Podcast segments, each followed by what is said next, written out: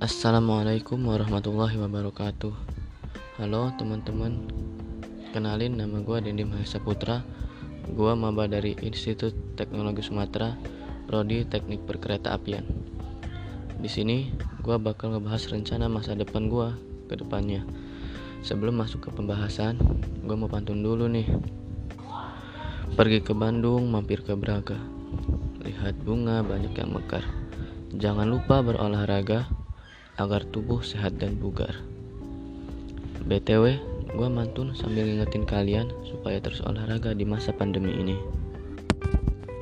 Oke, gue udah mantun.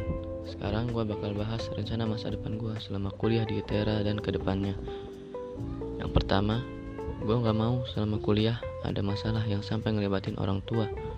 Karena tujuan gue kuliah yaitu untuk ngebagain orang tua gue, bukan malah malu-maluin orang tua gue yang kedua gue mau gue bisa lulus tepat waktu dan berusaha untuk jadi lulusan terbaik supaya gue juga bisa dapat pekerjaan dengan mudah nantinya. Karena tujuan gue kuliah bukan cuma untuk sekedar dapetin gelar sarjana doang. Oh iya teman-teman.